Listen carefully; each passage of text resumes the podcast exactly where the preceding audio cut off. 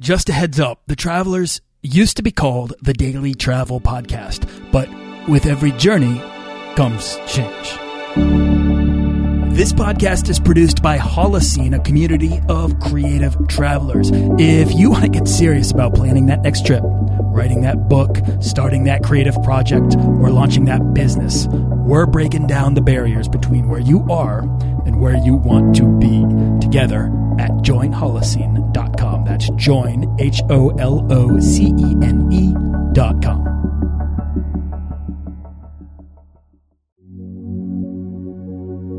About a year ago, I had an idea for a podcast. But before I get into that, here's a story.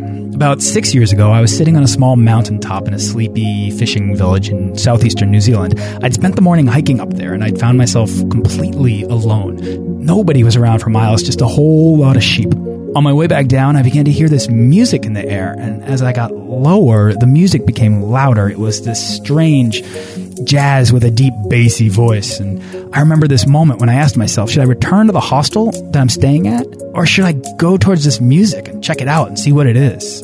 Now, if I were back home, there's no question I'd have just gone home. But because I'd been traveling for months and exploring all these amazing places, I decided to follow the music. And eventually I came upon a small wooden fence and a sign that read, Welcome to Tree Crop Farm, with an arrow pointing down a small dirt path. The music was blaring and obviously coming from the other side of the fence, so I hopped the fence onto someone's property. I don't know what I was thinking, and continued down the dirt path. I reached a small field at the end of which was the back of an old farmhouse. And the back door was open and the music was blasting from inside. So I walked up to the door and I peered in. I remember there were melted candles, saddles, and tapestries hung over the old wooden walls on which were scrawled limericks and phrases in bright white chalk. And the entire room, ceiling and walls, was completely covered in writing. At the end of the room was a small table with a bunch of papers on it, and I suddenly had this feeling that I'd intruded. You'd think I might have thought that before, but before I could leave, a woman poked her head around the corner. She had dry blonde hair and wide blue eyes, and she said, The chicks have hatched, come with me. And then she disappeared. And I just stood there for a second, confused and still disoriented from the strange, loud music that was playing. And I, so I just stood there, and a moment later, she poked her head back around and said, Are you coming? So I followed her, and she took me around front where a dozen newborn chicks were stumbling around blindly with a mother hen in the sunlight, and it was adorable. And the lady smiled, and she just beamed, and she shook my hand and introduced herself. Uh, she turned off the music. She showed me around the rest of the farm, tried to sell me a beer, and then just gave it to me, and then took me back to her porch where there was a horse in a purple jacket and a peacock tied up. Okay? I, am not making this up. She said she found the peacock wandering around in the woods. I asked her how she caught it, and she said, oh, I just threw my jacket over it as if it were obvious. Then she said she was training it with food. And she said she could train anything with food. She could even train me. And as interaction with this person was so strange. It was so honest. I hung out on her farm, introducing myself to her guests, and later that night, she invited me back to have a home cooked dinner with her and her son.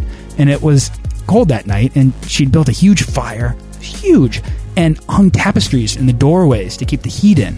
And the food was incredibly warm, and the watercress had just been picked from like her backyard. And it was this traditional New Zealand dinner. And the entire night, we just shared stories of growing up in the States and growing up in New Zealand, traveling, and all these adventures that her son had been on, that I was going on, that she had experienced. You know, I never would have had this amazing experience, that exposure to a family in a foreign country, if it weren't for my decision to step out of my comfort zone and explore the unknown, to follow the music. That experience changed the way I see people, and that day I knew I could never stop traveling. I'd become an explorer that day. But maybe I should take a step back and introduce myself. My name's Nathaniel Boyle, and thanks for listening to the first episode of the Daily Travel Podcast. I got started traveling when I was very young. My mother pulled off a home swapping heist when she swapped her house, our house, which was a house in Massachusetts, for an entire castle in northern England. I had my sixth birthday in that castle.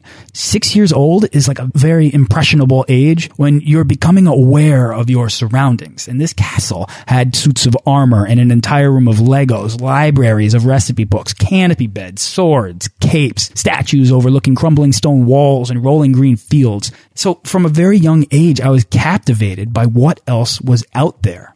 Eventually, I'd realize the impact this trip had on my imagination and the importance of keeping your imagination active and why I think travel should be given more priority in our lives. And in 2008, I quit my job at a failing startup to cross two huge things off my bucket list. I wanted to do the Trans Siberian Railway and I wanted to circumnavigate the planet. So with just under $2,000, which is really not that much, I went to Fiji, then New Zealand, where I bartended and cleaned hostels for my accommodation. I jumped out of an airplane, hitchhiked, climbed mountains, and met hundreds of people who were completely different than me. I did things I never thought I could do. I got so far out of my comfort zone and developed an insatiable curiosity, a love of learning and exploring the unknown.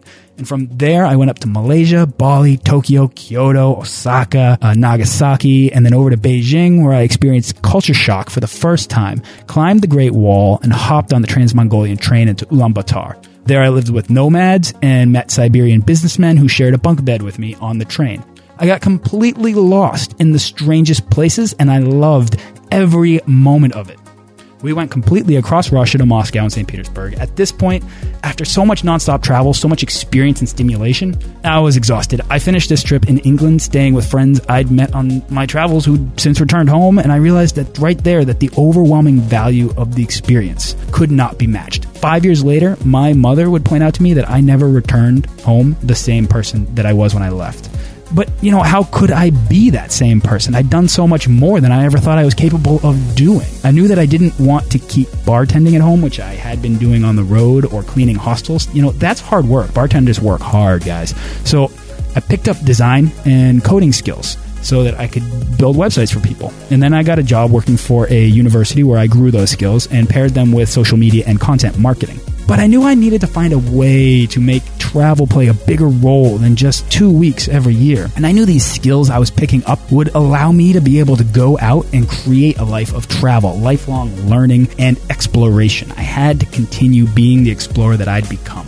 So eventually, I quit that job. And within weeks, I was on a plane to Malawi, Africa. It's sub Saharan Africa. I went with friends who'd recommended I bring along pencils or markers for a school there. So not having a job, having more time on my hands than usual, I took it upon myself to raise funds to bring a computer to you know an amazing charity there that's called Mary's Meals. I raised enough funds for two computers actually and brought them both with me. And what happened would change my perspective on the value of travel even further. So by giving to a community, I gained access to a culture in a way that I'd never experienced before. Oh, not entirely true. I brought a guitar to Bali once and shared it with locals who wound up inviting me into their home, cooking me dinner while we sat around singing songs. So letting them play my guitar opened up that culture. But in Malawi, I learned that through charity, you can create the most fulfilling travel experiences. And around the same time, my friends started to become curious with how I was able to quit my job, relinquish my steady income, and still travel more often to places further away. A lot of them told me that I should start a travel blog, but in my mind, that ship had sailed when I didn't do this in 2007, during the year in which I took to circumnavigate the planet that would have been a great idea, but so many millions of travel blogs are out there today, so it felt kind of hopeless to begin. And of course, since then, amazing blogs have come out of nowhere covering the beat of frequent flyer miles points and what some call travel hacking. But then there was podcasting. I love talking about travel, how to travel further and more often for less, or how to put yourself in the position to have these life changing experiences. So I started talking to amazing uh, world travelers whose blogs I'd been reading for years. I just reached out, people like Nomadic Matt or Gary Arndt or Johnny Jet. I started getting really curious about the things they were talking about, and I started asking the questions. So, what is the travel bug? Why do some of us get that itchy wanderlust? You know, I think it's because once we as humans get a taste of that that dopamine that comes with any new experience, we realize that we feel more alive in those few moments than in the majority of time that we spend living our routine lives at home. And that's why we are insatiably curious. We're addicted to new things, and it's a wonderful, rewarding addiction because it's one you can grow from as a person. You know, why are some people following their dreams, traveling the world, doing something they're passionate about, while others are still stuck in the status quo, doing what society tells them to do, doing what's expected of them by their families or or even themselves. All these excuses that are put up. Why do people put off their desire to travel the world instead of recognizing that desire is an opportunity that will pass you by if you just keep putting it off? So, about a year ago, I had an idea for a podcast all about helping others get the best stories out of their travels. I want this show to be your call to adventure. Whether you're an experienced traveler, explorer looking for that next experience, or someone who wants to seek meaningful experience in different cultures, or just someone who wants to be able to travel further and more often for less and find life changing experiences. To get the ball rolling, I have lined up interviews with the best travel bloggers, podcasters, industry experts, locals, writers, location independent entrepreneurs, and inspiring world explorers to discuss why they travel and how they do it. Everyone wants to be adventurous and have great stories and to do the stuff of legend. So this is the Daily Travel Podcast. I'd also like to take a moment to personally thank everyone who's helped get this podcast launched. That's Stephen Worley and Chris Wilson from Unstuckable, Dave Shepard, Jessica Rose from Interview Connections, Ben Kruger from Authority Engine, Arison Kane, Christopher Lang, all my guests, and of course my wife, Shannon.